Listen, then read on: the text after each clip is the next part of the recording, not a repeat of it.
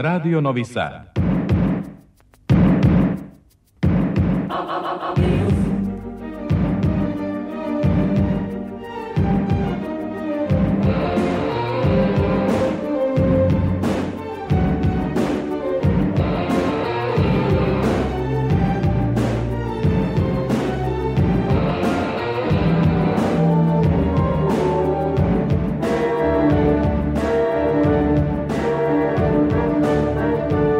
Spektar.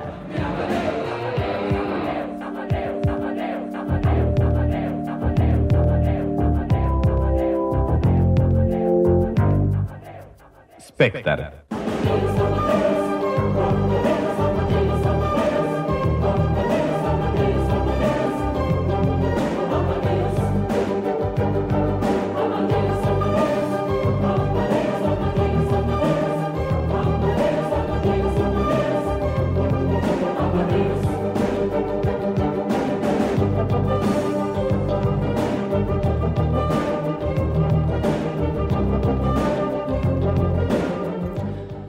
Dragi slušalci, dobroveče. Moje ime je Ivana Maletin Ćorilić i želim vam dobrodošlicu u Spektar.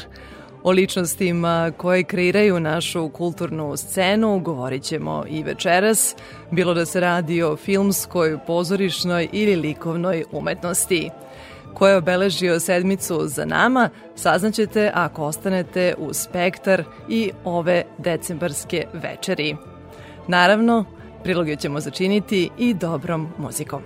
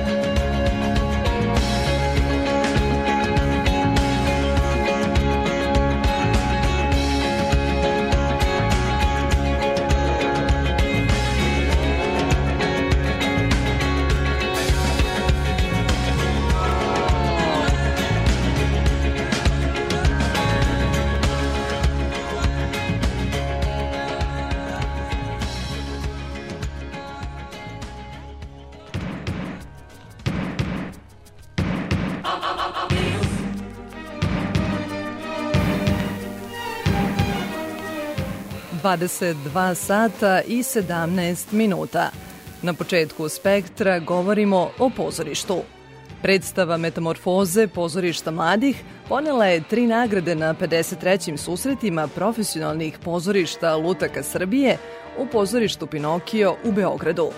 Doktorski rad Saše Latinovića, glumca pozorišta mladih i profesora lutkarstva i scenskog govora na Akademiji umetnosti u Novom Sadu, nagrađen je za scenografiju, kolektivnu igru i režiju. To je bio samo povod za razgovor o lutkarstvu i godini na izmaku. Čestitke na nagradi na najvećoj nacionalnoj smotri lutkarstva osvojili ste tri važna priznanja – Koliko vam ona znači? Izuzetno mnogo. E, dakle, nama je svima nagrada u stvari potvrda kvaliteta našeg rada. Najviše ih želimo i naj, najviše nam trebaju baš kada počinjemo, jel da, kada, kada, kada su ljudi mladi, kada im treba baš to da neko stručan potvrdi njihov kvalitet i nagradi njihov trud. I nekako te nagrade su se kod nas, nekako ste morali baš jako puno da radite, da ih zaslužite i zavredite i obično su dolazile kasno. A do tada taj mladi čovek stalno luta i stalno traži i juri za tom potvrdom i nikako da je dobije. Predstava Metamorfoze je tako reći nastala uz pomoć štapa i kanapa. Svoj doktorski rad bazirali ste na istraživanju glasa i kanapa kao moćnih oruđa u radu sa studentima – Šta ste time želeli da dokažete i gde vas je to istraživanje odvelo? Da, pa e, proces je trajao dugo.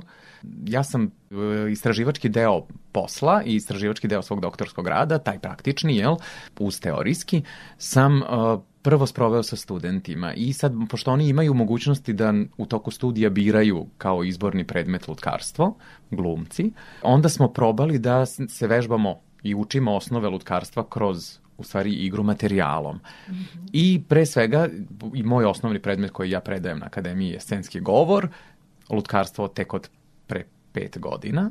I probali smo da, da prolazimo kroz te osnove lutkarstva igrajući se materijalom, odnosno užetom kanapom.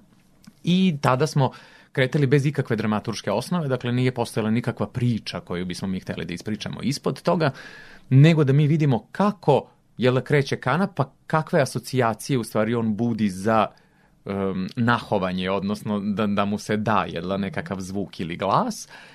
I kretali iz druge tačke, a to je ponudimo glas i ponudimo zvuk, pa onda na osnovu ponuđenog zvuka i glasa neko treba da animira i oživi jel da, objekat. I onda smo se igrali tako, stvarajući raznorazne etide, kratke pričice, neke kraće dramske zaplete i brze rasplete i tako dalje lutkarske i e, tada napravili jedan proizvod, jednu vrstu predstave koja je imala 13 različitih scena koje smo tako uklopili između spojili nekakvim sadržajem i to prikazali pred njihovim kolegama i sve ostalo i imali smo nameru kada smo došli već bili do, do toga da to bude jel da taj praktični deo mog doktorskog projekta. I onda nas je ovaj, uhvatila korona i mi smo, prosto studenti nisu dolazili na nastavu, nismo se viđali uživo, a to bez, kako kažem, praktičnog rada je nemoguće. I onda smo od toga odustali. Oni su svoje završili, prošli, krenuli dalje i tako dalje i ja sam taj materijal koji sam, odnosno zaključke koje sam uspeo da izvučem radeći sa glumcima koji nisu dotad imali nikakvog iskustva sa lutkama i lutkarstvu, stavio u svoj doktor, upisani deo svog doktorskog rada, uz istorijske delove i sve tako redom. Posle izvesnog vremena, pričajući sa direktorom pozorišta mladih, došli do ideje da bismo mi taj moj doktorski rad možda mogli da uradimo sa glumcima iz pozorišta mladih, što je bila moja želja, jel da ja kad sam već krenuo u dijalog sa njim, ja sam mu to i predlagao. A Naravno, naši posetioci koji su gledali one prve metamorfoze sa studentima, dakle u razgovoru, jel da imali smo i taj moment ovaj, tog um, dijaloga gde smo pitali publiku šta su razumeli, šta nisu razumeli, šta, šta im je jasno, dokle im je bilo sve jasno i tako dalje.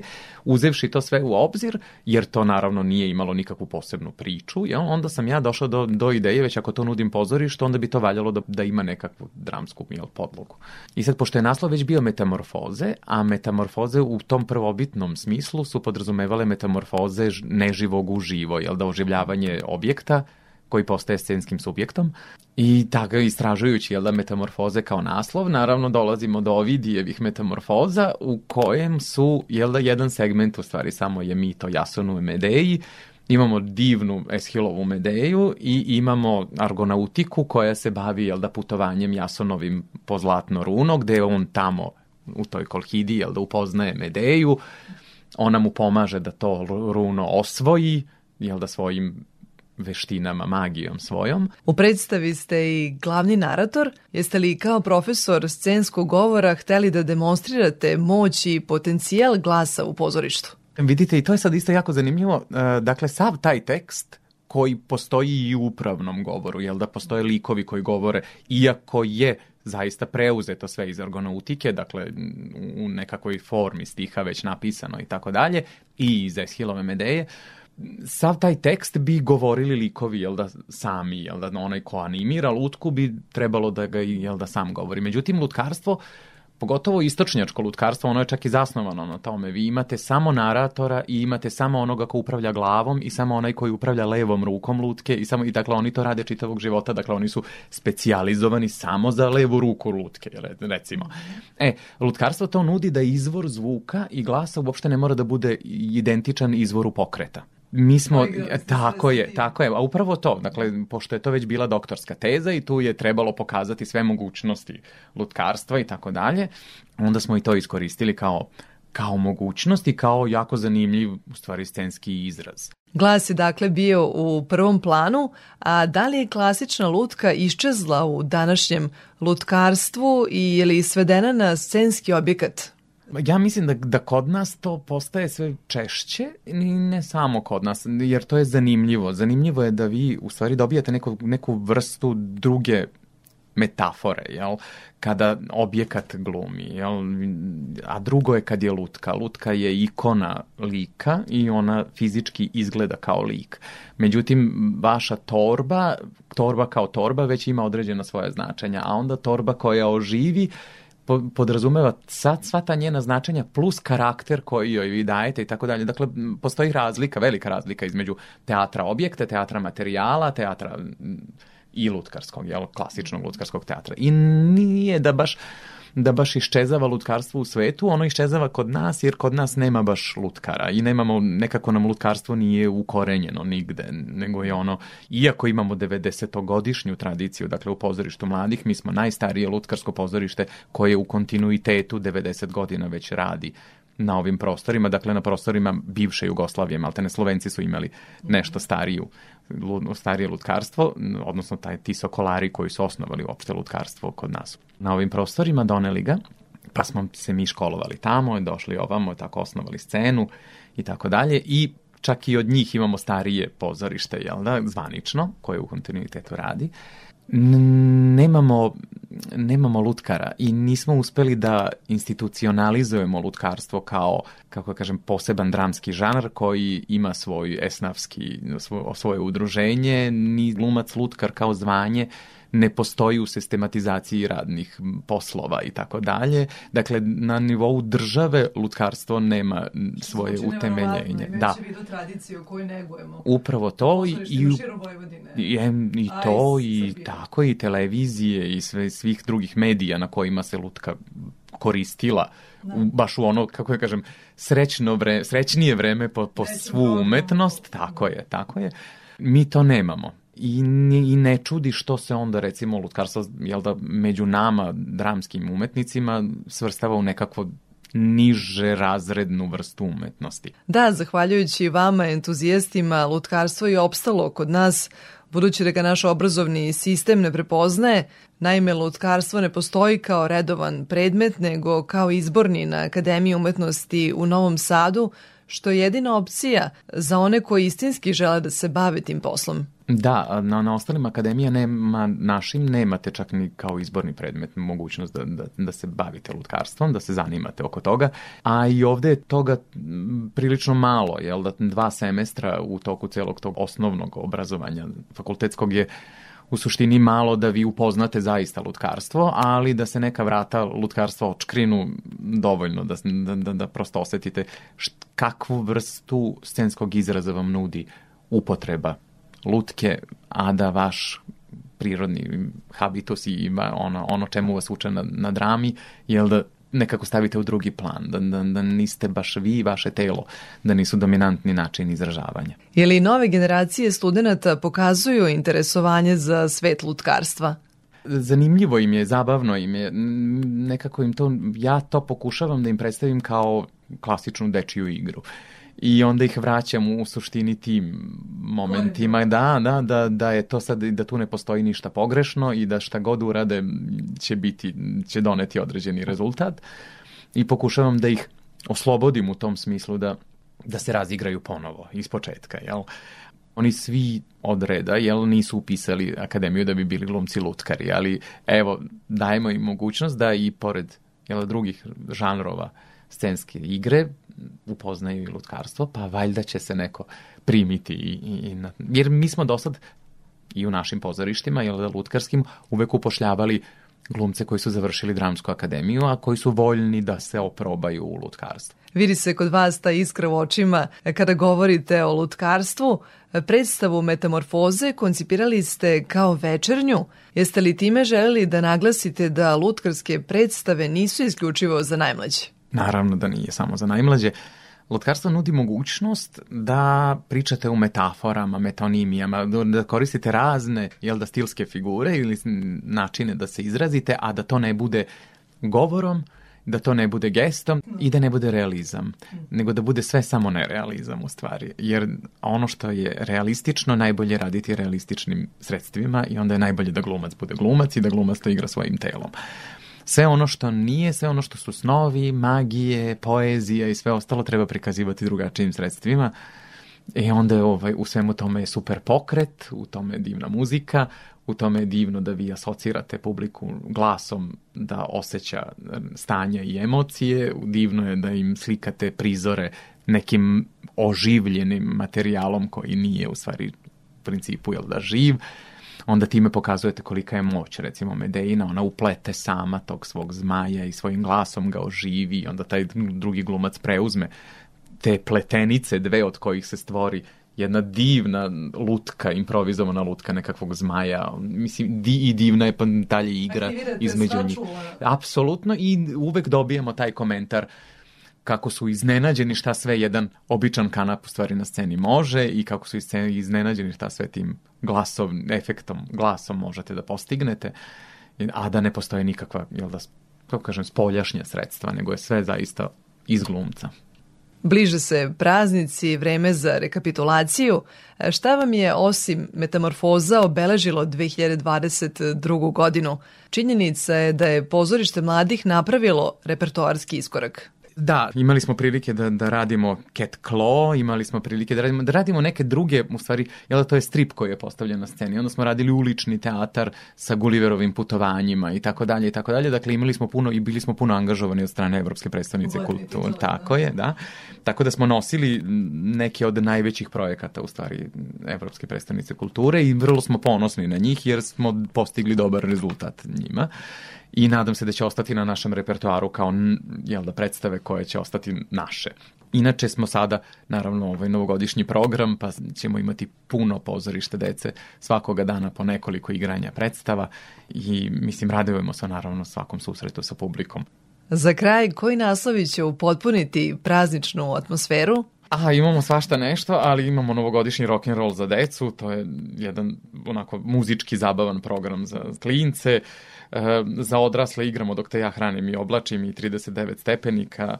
Snežna kraljica je naravno neizbežna na našoj sceni kada, je, kada dođe novogodišnji program. Uh, igraćemo i Lepoticu i Zver, Uspavanu Lepoticu, Vesele muzičare. Veseli muzičari su ovaj, naša najstarija predstava, njima ćemo obeležavati. Da, imaće 400 izvođenje naredne godine, tako da ovaj obnavljamo ansambl uz stare kolege, uključujemo i još mlade kolege koji će kada dođe vreme potpuno preuzeti tu predstavu, a do tada će ih igrati jedan na jedan i igrati sa njima tu, pokušat će pozorište da svoju predstavu očuva do 4000 tog, nadam se, izvođenja. Tako da se eto trudimo da, da tako ovaj, očuvamo naš, naš repertoar i da očuvamo lutkarstvo kao naš dominantni način predstavljanja naše publici.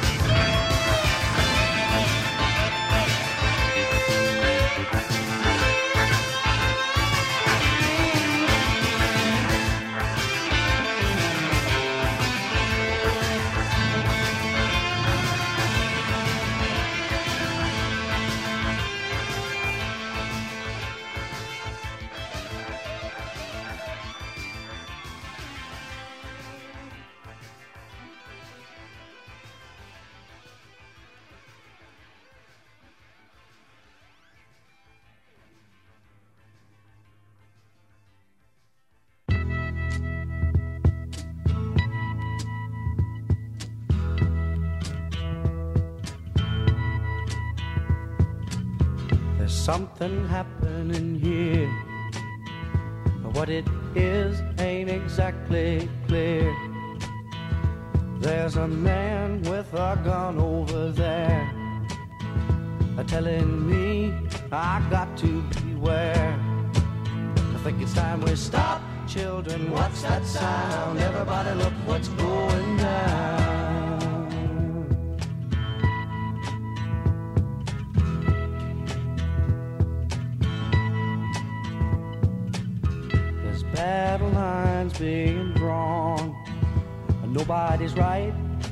Everybody's wrong. Young people speaking their minds are getting so much resistance from behind. Time we stop. Hey, what's that sound? Everybody, look what's going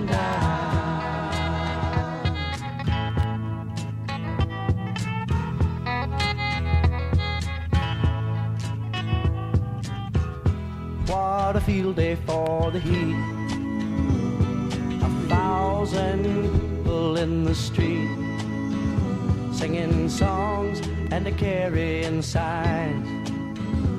Mostly say hooray for our side. It's time we stop. Hey, what's that sound? Everybody look what's going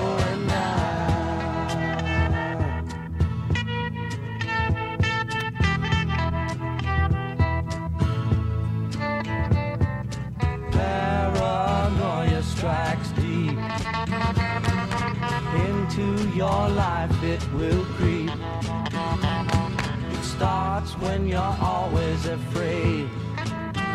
Step out of line, the man come and take you away. We better stop. Hey, what's that sound? Everybody look what's going now. Stop. Hey, what's that sound? Everybody look what's going. We better stop now. What's that sound?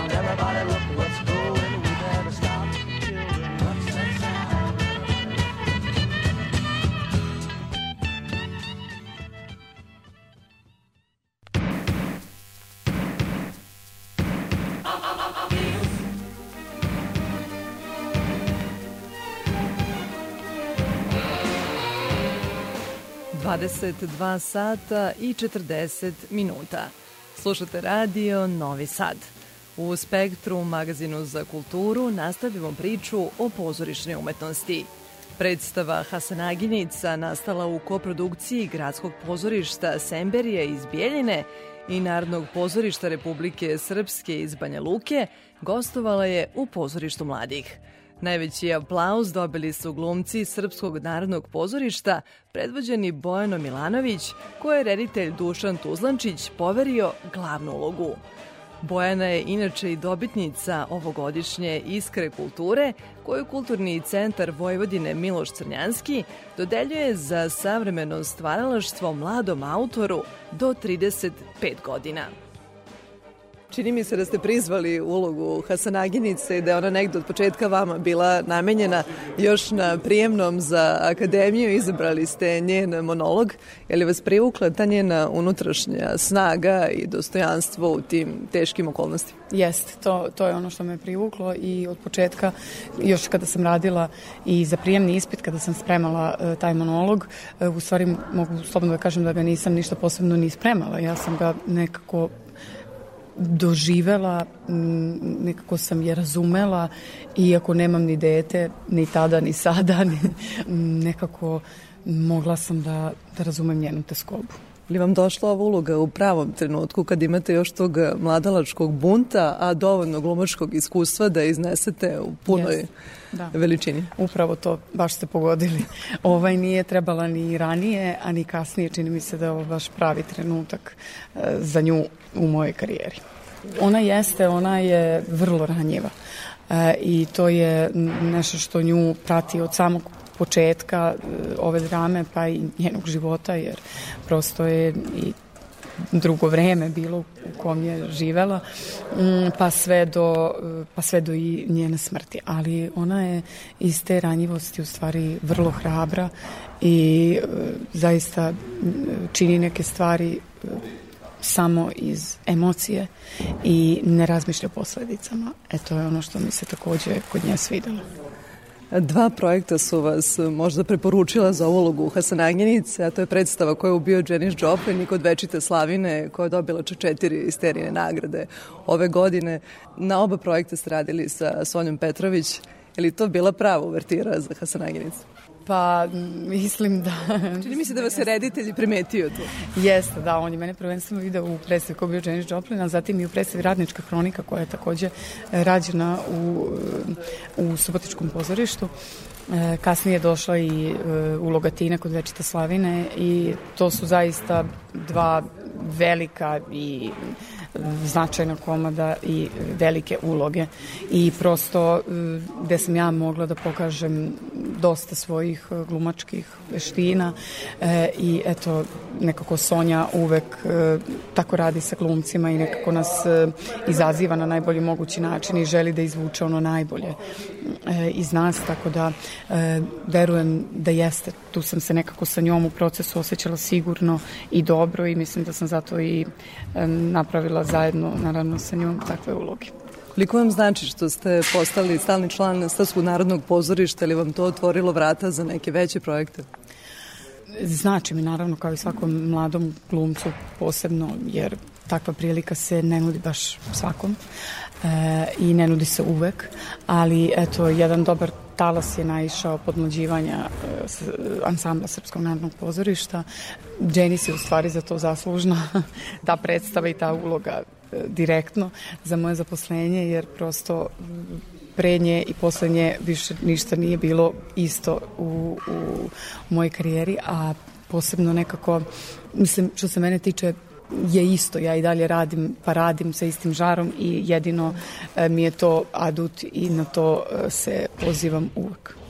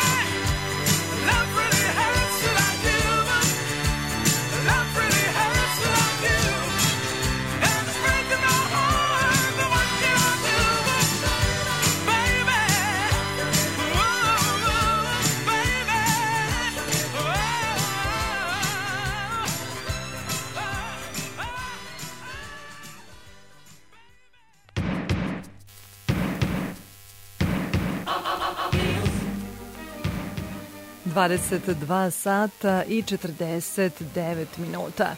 Kao što ste mogli da čujete, pozorišna umetnost u fokusu je ovo nedeljnog spektra. Naime, predstojeći peti međunarodni festival jezičkih i etničkih manjina Synergy biće održan od 15. do 19. decembra u Novosadskom pozorištu. Publika će moći da vidi pet predstava iz Rumunije, Mađarske, Hrvatske i Srbije – Tematski fokus ovogodišnjeg festivala biće na položaju žena u savremenom društvu, kaže upravnik Novosadskog pozorišta Valentin Vencel. Naš festival je inače, da tako kažem, u fokusu imao i ranije takozvane ugrožene društvene grupe. O tim ugroženim socijalnim grupama mi nismo tako baš revolucionarno ovaj, govorili, ali smo vrlo određeno imali stavove, imali opredelenja.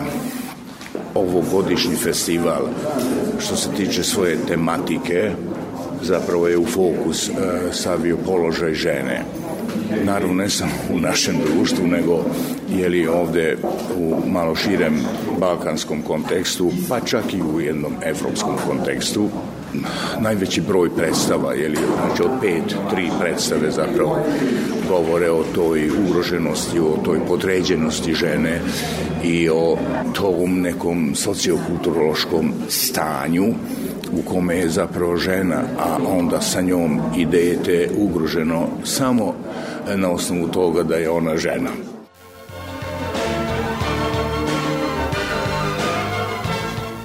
Da je festival Synergy već prerastao lokalne okvire, svedoči vez da će njegovo šesto izdanje biti organizovano naredne godine u Budimpešti i to u sklopu pozorišne olimpijade. U narednoj godini najznačajniji e, pozorišni događaj u svetu će biti e, pozorišna olimpijada. Pozorišna olimpijada se održava svake četvrte godine. I to je relativno nova manifestacija, jer to je četvrta pozorišna olimpijada koja je jeli etablirana ili je, ili je osnovana kao inicijativa čuvenog grčkog reditelja Trezopulosa. I kažem ova četvrta olimpijada se je održava u Mađarskoj i kao najznačajnija pozorišna manifestacija kažem u svetu. I sad učestvovati i da tako kažem sa svim svojim legitimitetom, jeli, dakle od logoa do filozofske osnove, pa čak i e, sa onim načinom organizovanja, sa kojim načinom mi organizujemo u Novom Sadu, to ćemo tako i u Budimpešti da uradimo. Sa našom ekipom ćemo tu organizaciju u Budimpešti jeli, izvršiti. Ja mislim da je to poprilično priznanje jednom relativno mladom festivalu, kao što je Synergy.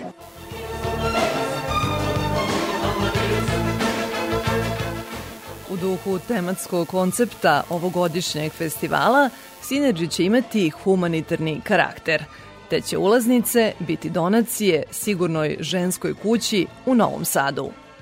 I'm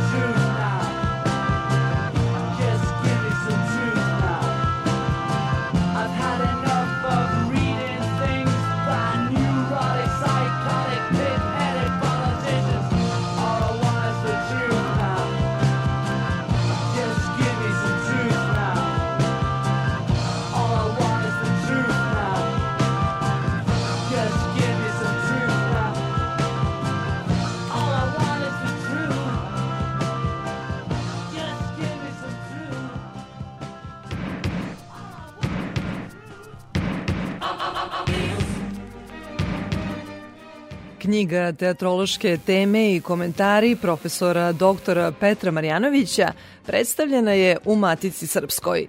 Knjiga je objavljena poshumno i omaž je predanom radu profesora Marjanovića, koji je dao neizbrisiv doprinos Srpskom narodnom pozorištu, Sterinom pozorju, časopisu Scena, Matici Srpskoj i Akademiji umetnosti u Novom Sadu, na kojoj je i predavao.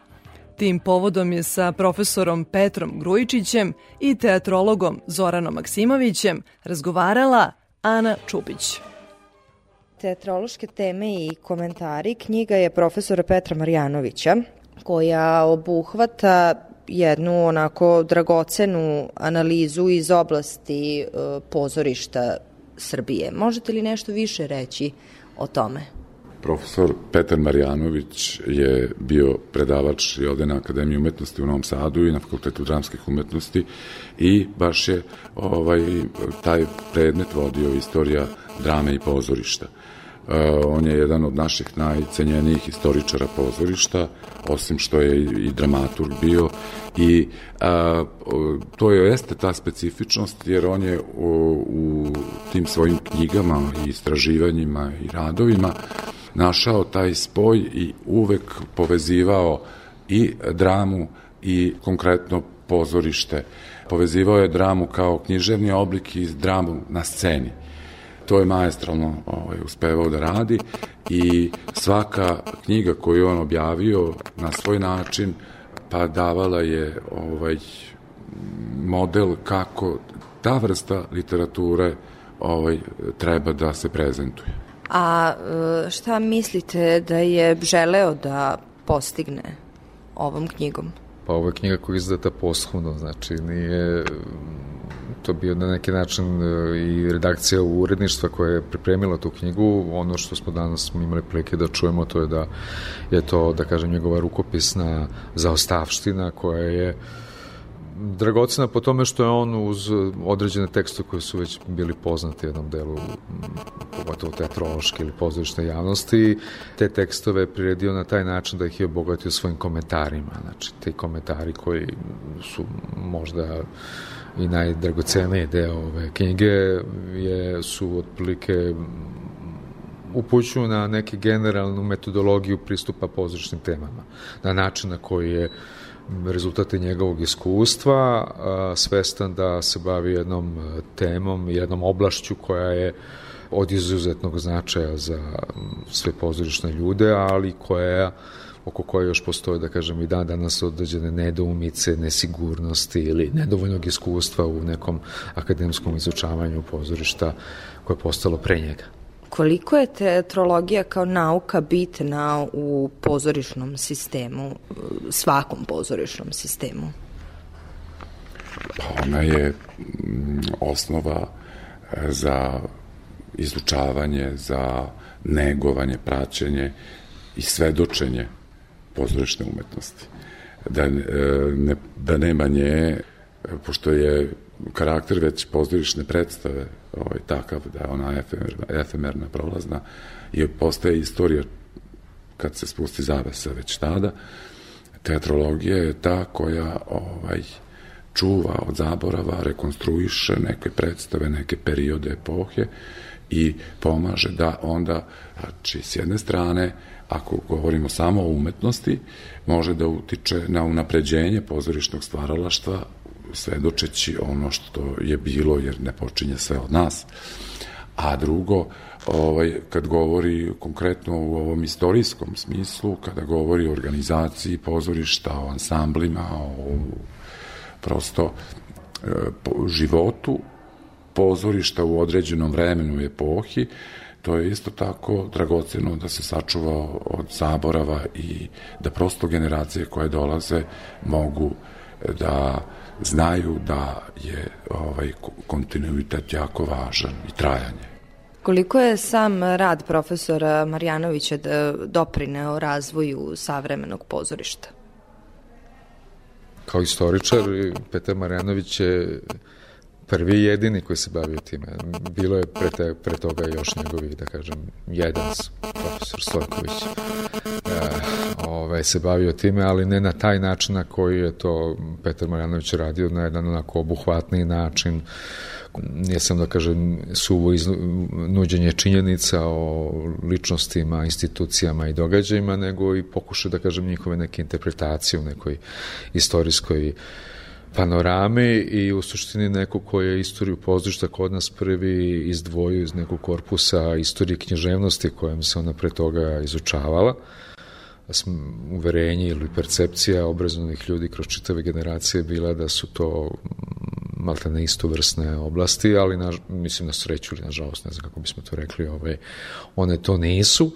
I on je tu zapravo popunio tu jednu prazninu koja je ovaj, dugo vremena kod nas postala, to je da kažem neka hronična, hronični nedostatak naše kulture generalno da percipiranje pozorišta, odnosa drame, izvođenja i tako dalje, to je nešto što je izlazilo, izlazilo iz raskursa nekog akademskog proučavanja pre Petar Marjanović. Znači, on je prvi što se tiče naše, ovaj, naše nacionalne drame i ovaj, pozorišta, on je prvi to uokvirio kao neko relevantno polje istraživanja, ne samo sa stanovišta istorije, nego i sa stanovišta tekućih repertoara, zato što dramska tradicija se stalno izvodi i stalno nove generacije, koliko god imale sveži nov pogled na prošlost, uvek moraju da se oslone na neku, neku artikulaciju prethodnu koju je ponudio neko ranije u pisanom obliku. Hvala vam što ste govorili za naš radio.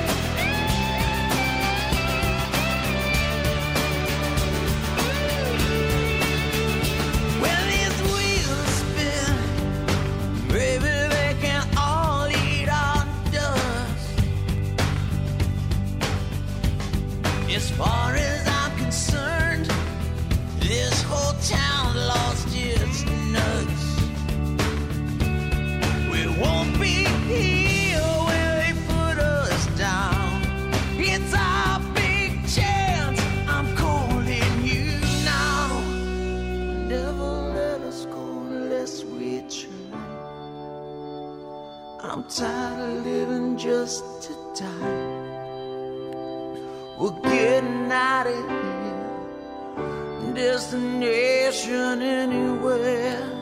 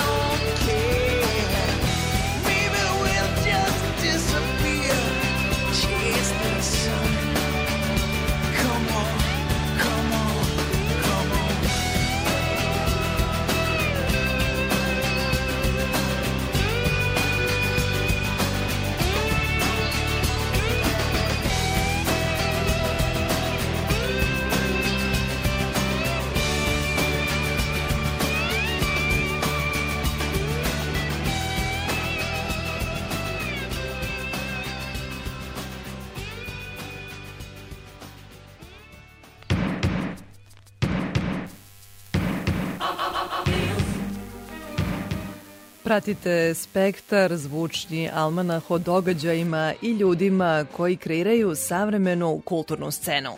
Sa pozorišta prelazimo na film. U Srpskom narodnom pozorištu održana je novosadska premijera dokumentarca Darka Bajića, film Davne budućnosti. Ta igra reči u nazivu ukazuje na njegove glavne protagoniste Đorđe Kadijevića, Zdravka Šotru, Boru Draškovića i Miloša Radivojevića. Bardovi naše kinematografije u njemu govore o iskustvu rada u zlatno doba jugoslovenskog filma, ali i o novoj digitalnoj eri sedme umetnosti. Sa autorom filma Darkom Bajićem razgovarao je Goran Vukčević. film davne budućnosti, zašto baš ovi doajeni filma na ovim prostorima, zašto ne neki drugi, zašto baš svi oni na okupu i zašto baš ovakav film?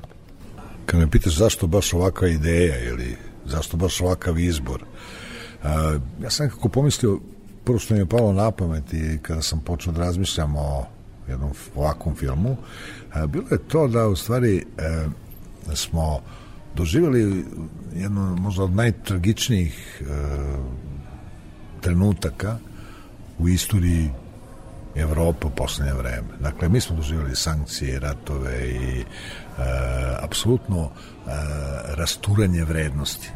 Dakle, potpuno eksploziju vrednosti. Više, više se jednostavno ne razmišlja o tome da vrednost nije samo vrednost koja treba da se prizna, nego je vrednost nešto što u, što u tebi stvara energiju i stvara mogućnost da ti nastavljaš dalje.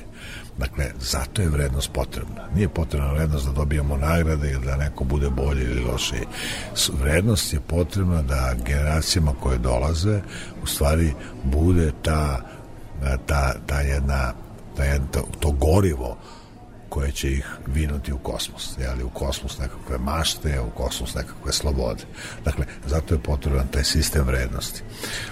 I onda sam rekao sebi, ok, daj da pozovem ove, četiri vrhunska srpska reditelja da ih pitam da li bi želi da učestvuju u jednom zajedničkom filmu. Oni, kada sam ih pozvao, jednostavno nisu mogli da veruju. Nisu mogli da veruju da se neko seti uopšte. Nisu mogli da veruju da neko uopšte hoće od njih da čuje njihovo mišljenje, njihovu filozofiju života ili njihovu nekakvu rečenicu koju su oni izvukli iz svog vrhunskog i velikog iskustva koju su imali ove snimajući filmove. I e, pomalo su nekako pristupili razgovoru sa mnom, e, u dogovoru sa mnom, u stvari oko te serije, malo sumnjajući. A onda ja, kakav jesam, ja sam ovaj, jednostavno krenuo intervjue sa njima, o, da, da, da s njima pričam, da s njima razgovaram i lagano sam dobio njihovu naklonost. Nekog, nekog više, nekog manje, nekog me manje poznavao, s nekim sam se dugo poznavao kao što je Miša Radivojević i onda sam želao u stvari da na preporuku mog e, studenta, reditelja Sinice Cvetića, da ja u stvari vodim taj razgovor upravo, upravo zbog toga što sam uspeo i da ih na jedan specifičan način ipak privučem jeli, da učestvuju u ovom filmu. Suština čitave priče jeste da pokušamo da zabeležimo iskustvo. Iskustvo, pogotovo iskustvo filma, koje se u ovim digitalnim sferama, evo i time što digitalno sokoćelo, jednostavno digitalna tehnika omogućava da snimate beskonačno.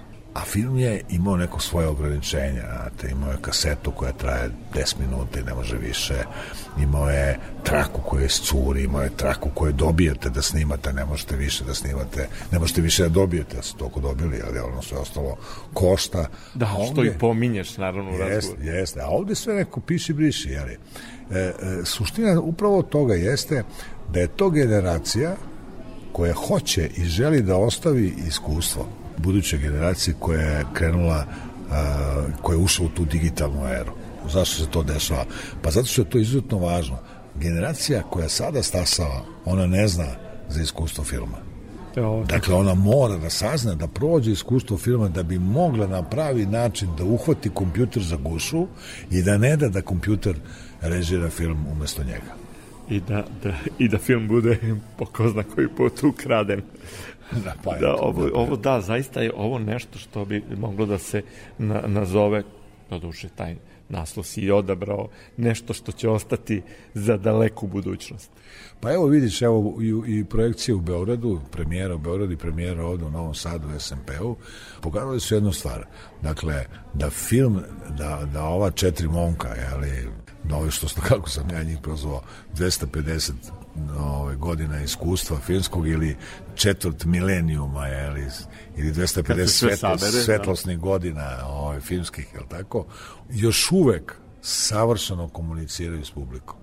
I to sa mladom publikom, koja reaguje na, na njihovu misao, koja se smeje njihovim, njihovim forama, koja apsolutno je ušla u njihov život. I apsolutno doživala četiri junaka, ovaj, četiri karaktera.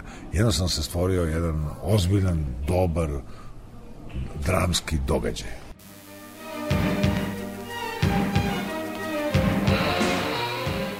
Čuli ste Darka Bajića, a evo kako je film Davne budućnosti doživeo jedan od njegovih glavnih aktera, Đorđe Kadijević. Mislim da je postavljeno jedno fundamentalno pitanje koje e, nije aktualno samo za našu lokalnu sredinu, kulturnu i umetničku, e, posebno kad je film u pitanju. Mislim da je pogođena jedna tema koja bi trebalo da zainteresuje mnogo veće kulturne sredine i mnogo veće kinematografije nego što je naša. Da se generalno postavi pitanje gde je film danas, šta je on i šta može da bude. Znate, to, to je jedna e, misao koja traži odgovor, a nema ga. I to već poduže vremena. E, ta izgubljenost, to odsustvo jedne usmerenosti, jedne paradigme, kakva je postovala u velikim epohama e, filma gledano unazad u ovom ili onom trenutku, danas potpuno izostaje. Danas vam je vrlo teško odgovoriti na jedno prosto pitanje na koje pre 20 godina nije bilo teško odgovoriti. Pre 20 godina mogli se da pitate ko je najveći reditelj, recimo. pa onda kažete Bergman, recimo.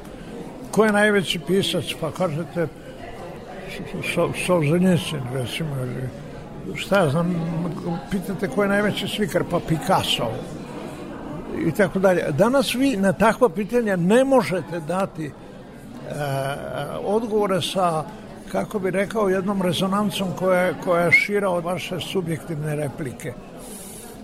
E, to je e, ovaj, autor ovoga filma Bajić osetio i postavio u, u našoj maloj marginalizovanoj i perifernoj kinematografiji jedno generalno pitanje koje bi bilo aktualno za ceo svetski film.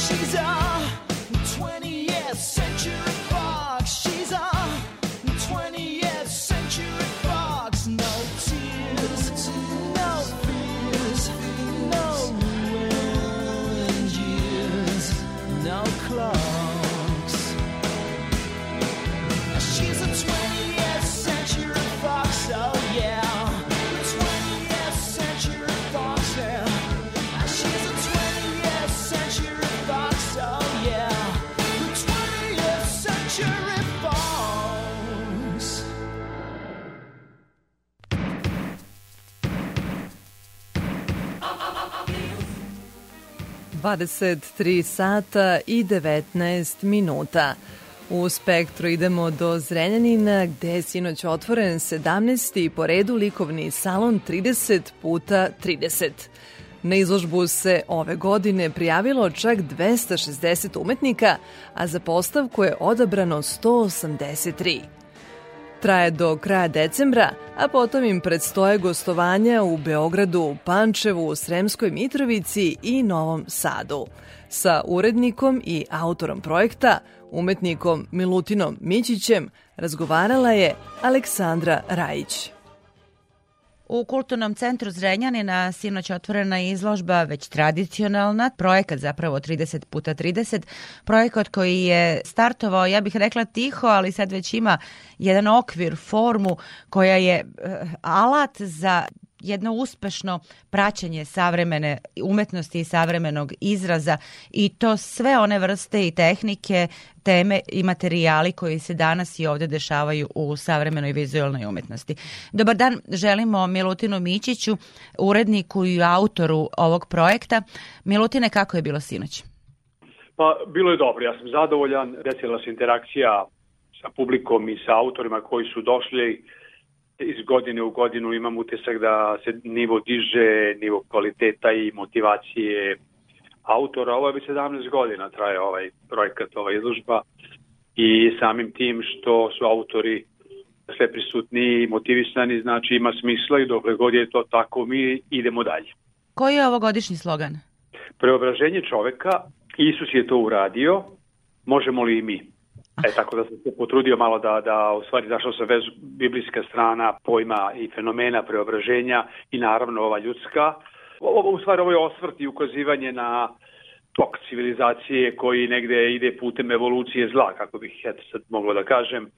I ovo je ukazivanje na odgovornost nas, ljudi, ljudske vrste koji bi morali da stanemo tome na put i da ponudimo sebi i našim potopcima kvalitetniju budućnost, jer ovo ne vodi nigde, ovo vodi u unoštenju i ljudske vrste i planete, a i ljudskih vrednosti i kvaliteta. Tako da, u tom smeru je i ovaj projekat e, postavljen. Eto, koliko možemo mi ukazujemo na takvo što. E sad, radova pristiglih na konkursu uvijek je mnogo više od vaših mogućnosti. E, dakle, koliko ste e, izložili, ko su umetnici, kakvi su radovi, onako, ako možete to da, da mu objasnite tako da radiofonski e, možemo da shvatimo. Da, da probamo, malo je teško. Prijavilo se 246 autora iz najviše iz Srbije, ali iz Hrvatske, Bosne i Hercegovine, Republike Srpske, Crne Gore, Makedonije, Italije, Belorusije i Slovenije. Tako da je to, to lepo da i ljudi iz e, okruženja, autori žele da komentarišu na, kroz umetnički, naravno, jezik, likovni, kvalitetan jezik, ovo što mi njima nudimo. Žele da budu prisutni i žele da su učesnici, saučesnici ove nekakve borbe naše za dobrobit i položaj umetnosti, a po najviše čovek. Mogu da kažem ko su nagrađeni. Imamo uvek problem ovaj, kad treba da se dodeli nagrade, je zaista ima dosta radova koji to zavređuju, ali eto, uvek, uvek se izborimo sa tim. Prva nagrada je Tomislav Tudorović za skulpturu, druga nagrada Marija Poljak-Petrović se slikaju u pitanju i treća nagrada je Danijela Bogićević, jedan koncept između slike i skulpture. Koliko je učesnika bilo na ovogodišnjoj izložbi? Pa uvek, nažalost, moramo, dakle, od 246 autora, mi smo odabrali 183 autora, i jednostavno iz raznoraznih i mnogih razloga ne može, bilo je radova koji su mogli zaista da, da vredili su da, da, da uđu u ovaj koncept, ali eto 183 autora su prošla. Da, imate već standardno, jel da, skulpture, slike, grafike, e, video radova, instalacija, čega još možda što je zanimljivo da, za... Fotografije su takođe tu i dobrodošle. Dakle, sve ono što su poetike savremene umetnosti, ali nama je jako važno, to moram da kažem, da damo priliku jer ja sam veliki zagovornik odvrane slike kao klasičnog pristupa i procesa jeli, od belog platna do realizacije. Imamo malo sad problem što su se umešale političke i neke druge sfere koje utiču na različite načine da se slika pomalo stavi u drugi plan. Veoma nam je važno da slika kao takva, skulptura kao takva, da u tom klasičnom smislu ovaj, bude prisutna i prisutna je, to mene jako raduje. Dakle, ovdje da kažem da mnogo autora u Srbiji i okruženju ima koji su svesni značaja i neuništivosti slike i skulpture i grafike i fotografije i formi koje zahtevaju, znate, i od zanata pa do prevazilaženja zanata i ulaska u kreativne vode i proženja kroz jedan mukotreban proces da bi se došlo do krajnjeg produkta, to je do kreacije, do slike ili e, skulpture i tako dalje.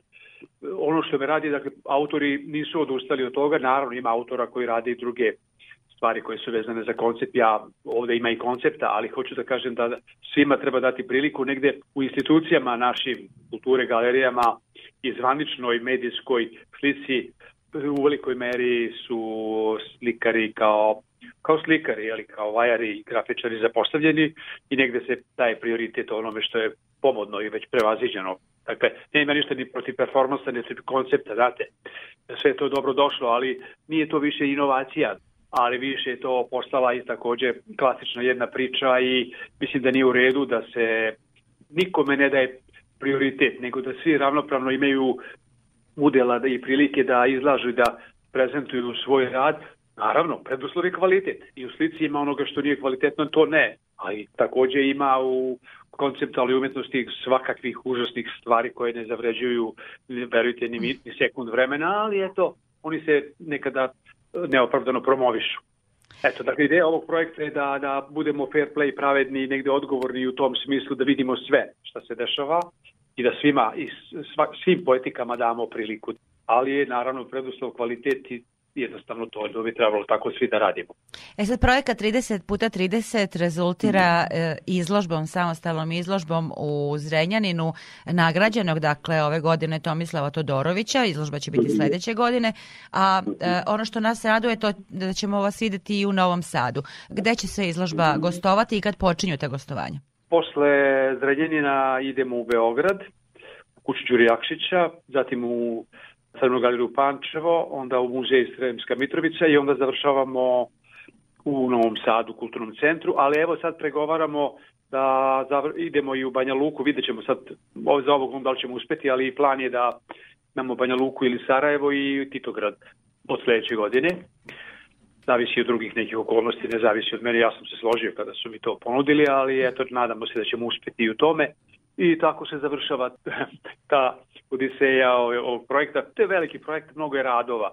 I moram da kažem da je ovaj tehnički deo je negde deo kojim se treba baviti i nije tako jednostavan, pa to nekada sprečava da možda još veći broj gradova obiđemo, ali mislim lično da je i ovo dovoljno. Projekat u stvari traje godinu dana, a ne samo tih dana kada su izložbe, naravno, kao i svaki tako projekat. Ispada, je, je, ta, tako i godinu dana traje i autori već znaju da će svaki godine to biti, oni se već koji, oni koji žele već se spremaju u napred, jeli, da imaju svoje radove i ono što me raduje je sada dosta autora, bar mi govore, eh, su ušli, kako bih rekao, u lične projekte gde po dimenziji im je interesantno da urade sami svoje cikluse 30 puta 30, da, da. što mi jako raduje zaista. I format je interesantan, može. Raste, da, da, raste projekat. Milutine, hvala vam na ovom razgovoru i vidimo se u Novom Sadu.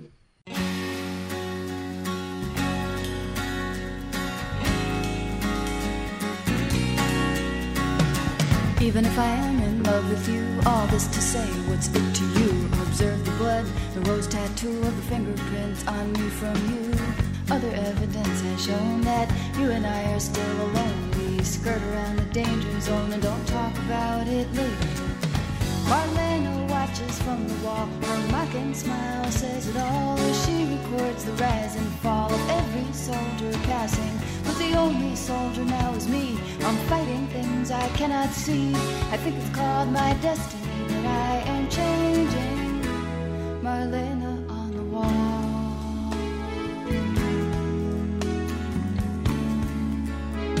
Well, I walked to your house in the afternoon by the butcher shop with a sawdust strewn. Don't give away the goods too soon, is what you might have told me. And I tried so hard to resist when you held me in your handsome fist and reminded me of the night we kissed and of why I should be leaving. Marlena watches from the wall, her mocking smile says it all. She records the rise and fall of every soldier passing. But the only soldier now is me. I'm fighting things I cannot see. I think it's called my destiny that I am changing darling.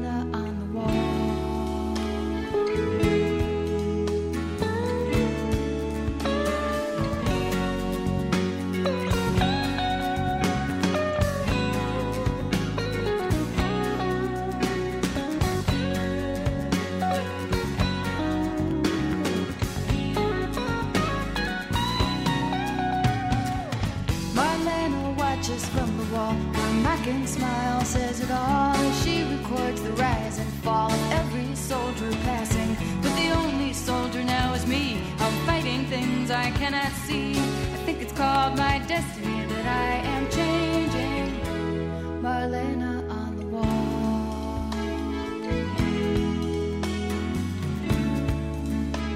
And even if I am in love with you, all this to say, what's it to you? Observe the blood, the rose tattoo of the fingerprints on me from you. Other evidence has shown that you and I are still alone. We skirt around the danger zone and don't talk about it later. And I tried so hard to resist when you held me in your handsome fist and reminded me of the night we kissed and of why I should be leaving.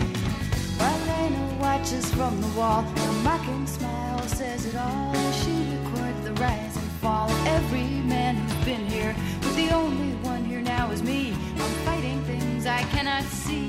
I think it's called my destiny that I am changing, changing, changing, changing, changing. Watano watches from the wall. Her mocking smile says it all as she records the rise and fall of every soldier passing. But the only soldier now is me. I'm fighting things I cannot see. I think it's called my destiny that I am changing.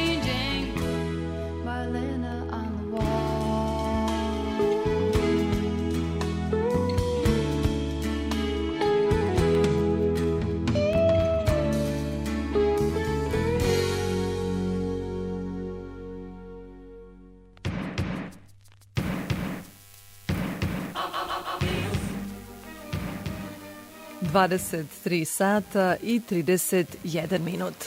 Bližimo se kraju večerašnje emisije. Spektar zapravo zatvaramo jednom književnom pričom. Knjige Ingeborg Bachmann, snažni uticajne književnice nemačke literature druge polovine prošlog veka, predstavljene su i našim čitaocima. Izdavačka kuća Kontrast prošle godine objavila je njen roman Malina, a novosadski Nojzec ove godine knjige priča i radiodrama. Sinoć su predstavljene u Muzeju Vojvodine u saradnji sa Srpsko-nemačkim društvom Vandrovka. Ingeborg Bachmann bila je savremenica Tomasa Benharda, Gintera Grasa, Heinricha Bela, snažno je uticala na Elfridu Jelinek, potonju dobitnicu Nobelove nagrade. Sa profesorkom nemačke književnosti Nikolinom Zobenicom razgovarala je Tatjana Novčić-Matijević. Kako je moguće da tako značajna umetnica i po svom opusu i svom, po svom uticaju relativno je nepoznata našoj kulturi? Ingeborg Bachmann je relativno rano prevođena na srpski jezik, ali uglavnom u časopisima i u antologijama. Njene pesme i njene kratke priče su predstavljene na srpskoj publici, ali tek u dve, tri poslednje godine vidimo malo jaču recepciju Prosto ranije se izdavači i prevodioci nisu u toj meri posvećivali njenom opusu, ali pre svega to zavisi od izdavača, o spremnosti izdavača da ulože vreme i novac e, u prevođenje tog teksta, izdavanje tog teksta, tako da se prosto stekla, stekle su se okolnosti, stekle su se uslovi da dva izdavača pokažu interesovanje za Ingeborg Bachmann, dakle kontrast iz Beograda i Futura publikacije iz Novog Sada. Zahvaljujući tim izdavačima mi možemo podrobnije da upoznamo delo te izvanredne autorke. Sada vi kao prevoditeljka morate nam, nas ubediti zašto je neophodno da čitamo. Ingeborg Bachmann je za mene subjektivno rečeno kratko sjajna autorka. Objektivno, ako moramo da navodimo argumente, reći ćemo da je Ingeborg Bachmann vrlo značajna u nemačkoj i austrijskoj književnosti i mi kao prevodioci koji gradimo mostove, upoznajemo srpsku publiku sa drugim kulturama, treba da predstavimo i takvu autorku. Ingeborg Bachmann je nosilac brojnih nagrada, izuzetno je cenjena bila od svojih savremenika, uticala je na mlađe autore i na druge pisce i u suštini imamo danas nagradu koja je nazvana po njoj. Značajna je recimo i za Elfride Jelinek, koja je takođe nosilac Nobelove nagrade. Znači, prosto ona je autorka koja je stvarno imala dubog trag, ostavila dubog trag u nemačkoj književnosti, ali bavi se opštim temama. Bavi se to sam htela da vas temama. pitam, da. koji su prostori njene literature? Jeste, dakle, nije poenta samo u tome da ona predstavnica jedne kulture, nego ona govori o temama koje su za nas sve važne, o temama kao što je identitet, gde je naše mesto, ko smo mi, šta je sa istinom, šta je sa lažima, šta je sa prošlošću, šta je sa krivicom, odgovornošću, šta je sa ljubavlju, sa patnjom, šta je sa snovima, utopijama, idealima, gde postoje, gde ih naći i zašto ih gubimo. Jer Ginko Bachman nas na kraju suočava sa nama samima. Ne gubimo mi snove zato što su oni nemogući, nego zato što mi odustajemo od njih. U pravom trenutku kad se treba boriti za njih, mi dižemo ruke i pobegnemo. Tako da Ingeborg Bachmann ima šta da nam kaže i danas, nakon što je umrla 73. godine, prošlo je skoro 50 godina, ali verujem duboko da će imati šta da kaže i sledećim generacijama. Opšte ljudske teme, egzistencijalne teme, teme jezika, granice, kultura, više jezičnosti, multikulturalnosti, sve su to teme koje se nas tiču, bez obzira gde živimo, kojim jezikom govorili i koja je naša matična kultura. I sad moram da vas pitam za njenu poetiku. Dakle, ovo su ti tematski krugovi. Kako piše? Ingeborg Bachmann na svom stvaralaštvu ima dve faze. U toj prvoj fazi njena poetika je bila po snažem uticajem hermetičke poezije Paula Celana. I tu vidimo tu bogatstvo, to bogatstvo simbolike, simbola, neku zatvorenost i e, egzistencijalne teme koje nisu uvek lake za tumačanje. Međutim, ona je nakon nekog vremena primetila da takva poezija ne dopire do širokog e, kruga, jer ne razumeju svi simbole, skrivene e, šifre i sve ostalo. Tako da se odlučila da se okrene od poezije prozi i u određenom periodu svog života je odlučila da govori i za one niske slojeve, za one nevoljnike, da govori o temama kao što su glad, patnja, suze, da govori o temama koje se možda prečutkuju, a kojima treba da se govori. Tako da u toj drugoj fazi ona govori, govori iskrenije, piše iskrenije, direktnije i opredeljuje se za stil koji je prilično jednostavan i razumljiv kada govori o teškim temama.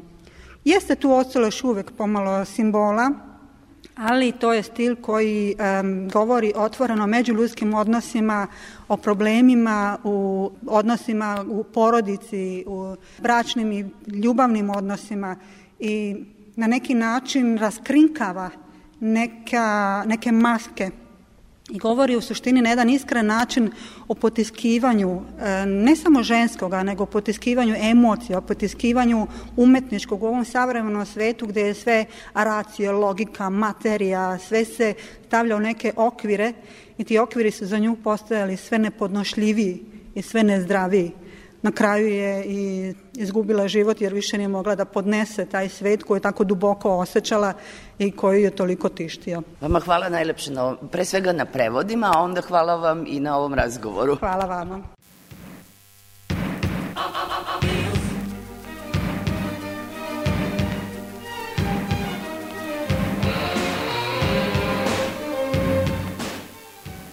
Dragi slušalci, nadamo se da je Spektar bio dobra uvertira za vikend i da ćete ga ispuniti kvalitetnim sadržajima. Sa novim pričama iz kulture čekamo vas narednog petka. Moje ime je Ivana Maletin Ćorilić i ime ekipe koja je realizovala Spektar. Želim vam prijetan vikend.